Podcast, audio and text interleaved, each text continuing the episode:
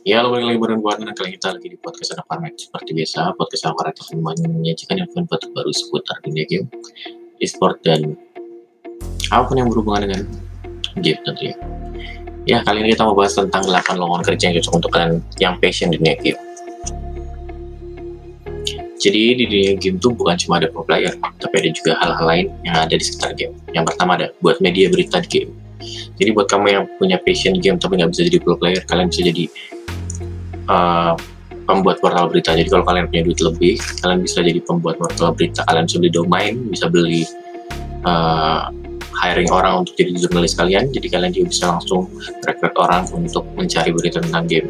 Nah banyak media game bermunculan yang memberitakan dan memfokuskan rubik pada berita game. Hal ini membuktikan bahwa prospek membaca dan marketing game itu sangat tinggi jika kalian memang passion dunia game namun tidak memiliki hal yang dibutuhkan menjadi seorang pro player atau mungkin caster atau hal lain, mungkin cara ini bisa jadi alternatif. Terlebih lagi kalian memang memiliki bakat untuk membuat website desain grafis dan tekanan terbesar untuk usaha ini adalah butuh dana besar untuk mempertahankan websitenya. Betul, kita harus beli domain, kita harus uh, searching, kita juga bisa uh, cari jurnalis. Nah yang kedua ada jurnalis video game. Jadi kalau setelah membuat media game, kan butuh jurnalis. Nggak mungkin kalau ngerjain sendiri. Mungkin aja tapi itu awal-awal. Jurnalis video game bisa menjadi tujuan pekerjaan kalian. Mencari menulis dan membuka suatu berita. Ini sama kurang lebih kayak reporter di TV ya. Dan belum pekerjaan ini menyampaikan isi pikiran berdasarkan data mungkin akan menjadi tarik bagi kalian yang menggiring masa dengan profesi game. Jadi game juga butuh tuh apa yang namanya pemberitaan. Karena sekarang juga ada namanya e-sportainment atau e-sport kayak ibaratnya kayak infotainment tapi e-sport lah. Nah media game ini juga membantu tentang perkembangan game terus juga membantu tentang um, biasanya ngasih tahu soal update terbaru atau apa yang mungkin banyak orang nggak tahu. Nah yang ketiga ini ada kontributor. Jadi kalau kalian mau jadi jurnalis tapi maunya freelance kontributor nih hal yang tepat sih sebenarnya. Nggak freelance juga sih kontributor tetap di media game biasanya. Mungkin pengalaman kalian menjadi jurnalis masih terlalu minim. Mungkin kota kalian juga terlalu jauh untuk dapat berkantor di media-media game. Jadi solusinya itu menjadi kontributor. Beberapa media menyediakan platform untuk belajar menulis. Bahkan media tersebut juga bisa menjadi sumber pendapatan kalian. Nah itu banyak sih. Kalau di reporter biasanya nyebutnya wartawan bodrek karena dia nge-supply ke mana-mana yang keempat ada caster turnamen ini adalah cita-cita gue gue juga pengen jadi caster sebenarnya. Caster nih kurang lebih sama kayak komentator di acara bola suaranya vokal. Pada suatu video game atau objek. Punya bakat entertain. Mungkin profesi ini cocok buat kalian. Yang ingin terkenal di video game. Cabang e-sport memang satu ladang emas yang sangat membutuhkan pekerjaan semacam ini. Karena caster itu bisa membangun hype membangun audience. Caster sendiri memang terdengar cukup mudah berteriak saja dapat pekerjaan, namun di balik itu suara caster memerlukan bakat tersendiri. Mengatur intonasi, membawa suasana crowd supaya ikut hanyut. Memahami seluk-beluk game dan juga strategi bukanlah perkara mudah dan dapat belajar dalam dua malam. Betul gue pernah ngestar di acara kantor susah tuh. Yang kelima ada pro player. Semua orang bermimpi jadi pro player, gue juga bermimpi jadi pro player, tapi nasib kan berkata lain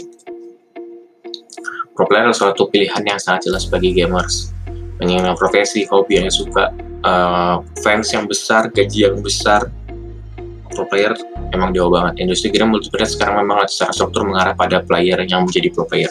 Namun kesulitan di sini dedikasi benar latihan 8 jam nonstop biasanya. Tinggal di base camp. Nah itu parah sih. Cuma itu hal yang enaknya banyak juga pro player yang mengalami hal nggak enak kayak gaji nggak dibayar atau segala macam. Namun kesulitan di sini adalah dedikasi kalian harus keluarkan untuk kalian. Banyak hal pengorbanan yang harus kalian lakukan. Bisa mengorbankan pendidikan, keluarga, dan masih banyak lagi. Tergantung individu. Tapi bakat tuh ya bakat. Ada yang orang mainnya dikit, tapi kemampuannya gede. Ada orang yang mainnya lama, tapi biasa-biasa aja tapi juga ada orang yang punya bakat mainnya lama, dia bekerja keras menjadi pro player, dan itu banyak yang berhasil. Yang keenam ada streamer game. Streamer game ini kayak youtuber sebenarnya, cuma streamer game ini banyak platformnya, ada Twitch, ada juga kalau nggak salah apa namanya, saya nggak Twitch yang baru aku agak lupa tapi nanti kita searching lagi kita kasih tahu di episode aja mungkin. Ya streamer game memang sedang marak-maraknya mempromosikan oleh banyak platform live stream kekinian yang tidak memiliki skill se pro pro player. Nah biasanya streamer game nih dia memberikan hiburan sendiri pada viewernya. Banyak referensi streamer di luar negeri seperti Dr. Direspect yang rata sebenarnya tidak jago sword atau juga lainnya. Namun pembawaan dia, karakteristik dia, dan daya dia juga diperlukan dalam PG stream.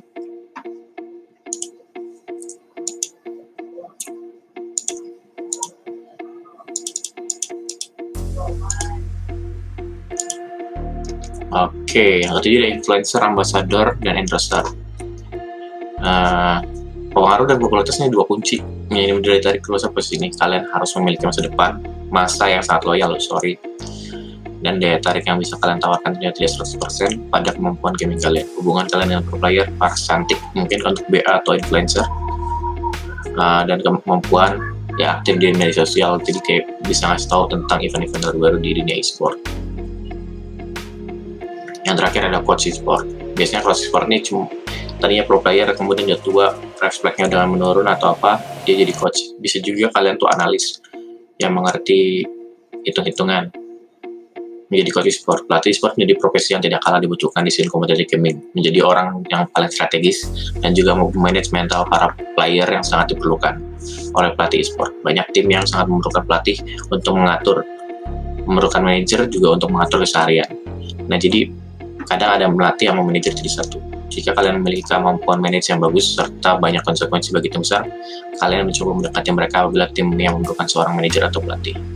Nah itu dia job-job dari gamers yang bisa dipertimbangkan untuk ke depannya, apalagi di masa pandemi, e-sport masih berjalan, sementara kantor-kantor banyak yang WFH, kalian bisa mencoba 8 lowongan yang gaming yang mungkin cocok untuk kalian. Saya pamit sampai ketemu di podcast selanjutnya.